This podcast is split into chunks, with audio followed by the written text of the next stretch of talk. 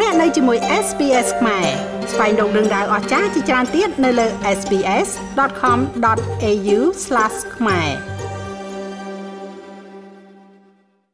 តុលាការសាលាដំបងរាជធានីភ្នំពេញនៅព្រឹកថ្ងៃទី14ខែមិថុនាបានសម្រេចកាត់ទោសលោកសំរងស៊ីនិងបពពួកប្រមាណ60នាក់ផ្សេងទៀត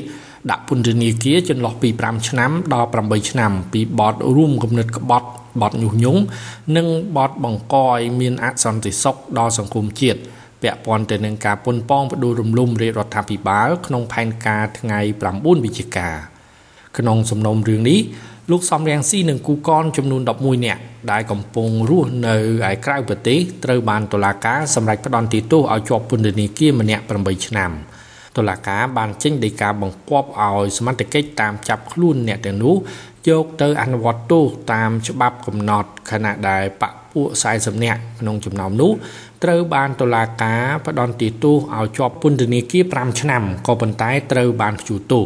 ចំណែកឯកញ្ញាសេងធីរីត្រូវបានសមត្ថកិច្ចចាប់ខ្លួនភ្លាមភ្លាមនិងនាំយកទៅកាន់ពន្ធនាគារព្រៃសរបន្ទាប់ពីសាលក្រមតុលាការបានប្រកាសសម្រេចដាក់ពន្ធនាគារចំនួន6ឆ្នាំកាលពីព្រឹកថ្ងៃទី14ខែមិថុនា មុនពេលចាប់ខ្លួនកញ្ញាសេងធីរីបានស្លៀកពាក់តាមរូបសំណាកសេរីភាពរបស់អាមេរិកហើយស្រែកតវ៉ានៅមុខតុលាការគឺកញ្ញាបានត្រៀមខ្លួនរួចរាល់ចំពោះសេចក្តីសម្រេចកាត់ទោសជាប់ពន្ធនាគារពីតុលាការដោយកញ្ញាយល់ថាតុលាការមិនបានអនុវត្តច្បាប់ដោយយុត្តិធម៌ចំពោះអ្នកប្រជាធិបតេយ្យនោះឡើយកញ្ញាសេងធីរីដែលជាអតីតសកម្មជនសិទ្ធិមនុស្សដ៏ល្បីល្បាញនៅកម្ពុជាបានបន្តថា ការចោទប្រកាន់ពីបទក្បត់ជាតិគឺជាលេសដែលរបបផ្ដាច់ការយកមកប្រើប្រាស់តែប៉ុណ្ណោះកញ្ញាសេងធីរីជាយោសេរីភាព Long live liberty ជាយោសេរីភាព Long live liberty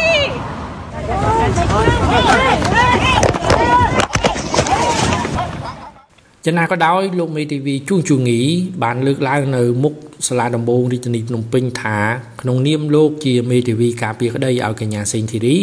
លោកនឹងប្រើសិទ្ធិប្តឹងទៅកាន់តុលាការស្លាវតចំពោះការចាប់ខ្លួនកូនក្តីរបស់លោក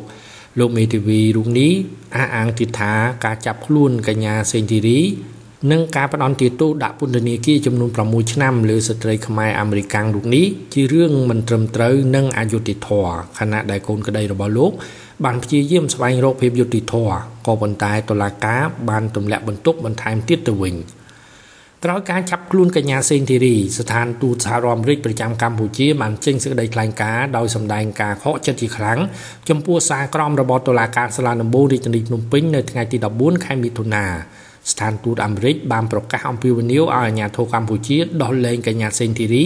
និងសកម្មជនសិទ្ធិមនុស្សរួមទាំងសកម្មជនបកប្រឆាំងដទៃទៀត